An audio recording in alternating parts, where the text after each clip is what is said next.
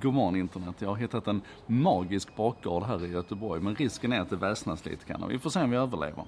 Vi ska i alla fall prata om Google idag. Två otroligt spännande saker som Google har lanserat bara de senaste dagarna här nu.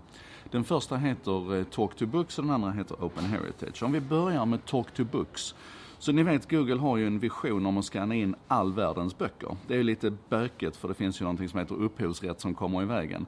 Men de har fått in massor med böcker i alla fall i det här systemet och nu har man lagt en AI ovanpå. En AI som man har tränat med en miljard vanliga meningar, frågor och svar.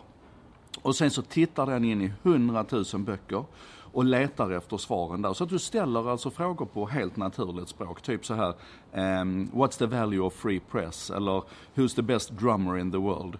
Och så bearbetar den här frågan blixtsnabbt naturligtvis eftersom det är Google och så letar den igenom böckerna och så ger den dig någon slags sammanfattande kompakta svar med referenser tillbaka till böckerna och så. Så det är som en slags, det är som en slags vanlig Google men med en helt annan kontext. Så ni måste testa den för att uppleva den. Det här är superfräckt och ger helt fantastiska idéer om var man kan ta vägen med, med natural language search, skulle jag säga. Och stora datamängder.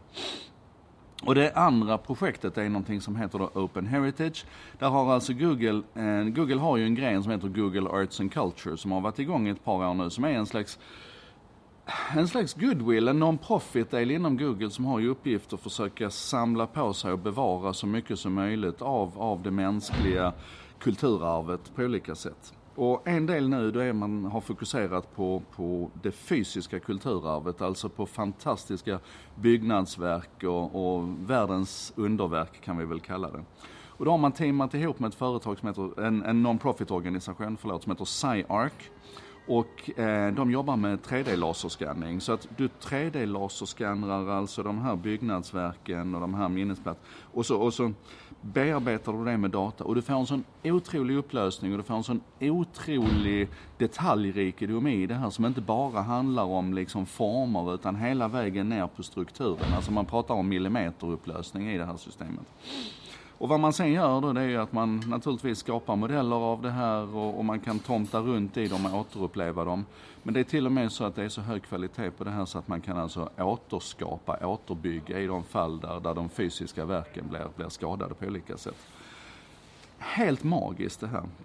Och som en god vän till mig, som en, en verklig smartskalle och god vän som jobbar i den svenska kulturarvssektorn säger att den här sortens initiativ som Open Heritage här nu, det finns ju och har funnits på andra håll också. Men när Google gör det så gör de det i en skala som är helt makalös och med en attityd av, av öppenhet och, och vad ska man säga, generositet som är ja, magisk.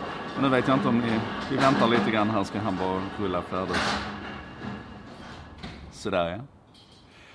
Um, och det är ju samma sak med, med Talk to Books. Alltså när man har de här datamängderna, man har den här kapaciteten att, att utveckla den här AI-motorn, så gör man det och bjuckar på det. Och det är klart att det kanske åtminstone i Talk to Books i bakplanet här finns en, en idé om hur den insamlade datan kan, kan, kan hjälpa till och, och höja kvaliteten på andra tjänster. Och, ja, ni vet, Google är ju, data är ju deras, deras drivkraft.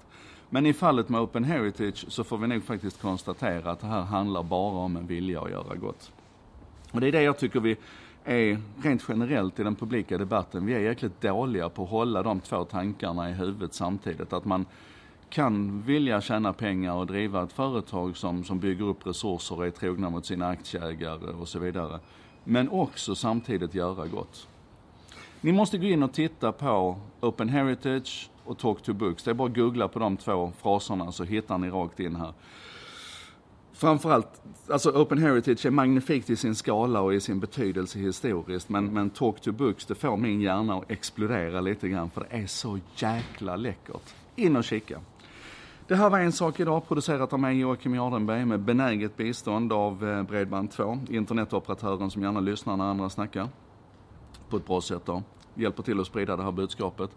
Det textas och översätts av Contentor som är en eh, byrå som arbetar med modern marknadsföring, redaktionella texter på nätet och just översättningar. Och de ser alltså till att vi fram emot lunchtid har eh, en sak idag textat på både svenska och engelska. Det är också lite magnifikt och lite magiskt.